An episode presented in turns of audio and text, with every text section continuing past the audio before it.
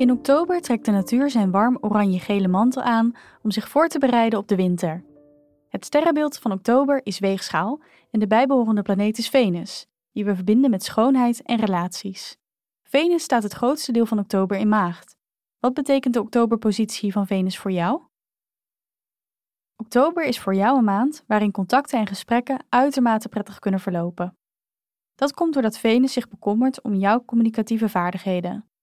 Dan lukt het je in gesprek om precies duidelijk te maken wat voor jou belangrijk is, zonder dat de ander zich aangevallen voelt of jou niet begrijpt. Je brengt de dingen ontzettend charmant en weet anderen om je vingers te winden. Ook kun je merken dat je meer geduld hebt om naar het verhaal en de argumenten van anderen te luisteren. Gesprekken krijgen zo een liefdevol verloop en dat brengt jou rust en tevredenheid. Ook fijn. Misschien denk je wel eens: ik had dit nog wel willen zeggen, maar nu is het te laat. Maar dankzij Venus in Maagd is er geen detail dat aan je aandacht ontsnapt. Elk puntje wordt op de i gezet. Is er een broer of zus die je al een tijdje minder aandacht hebt gegeven, dan zou je in oktober de banden kunnen verstevigen door bij elkaar te komen. Waarschijnlijk heeft hij of zij veel meer interesse in je dan je verwacht. Er kunnen ook prettige ontmoetingen plaatsvinden met mensen in de buurt. Een goede buur blijkt letterlijk beter dan een verre vriend. Bedankt voor het luisteren.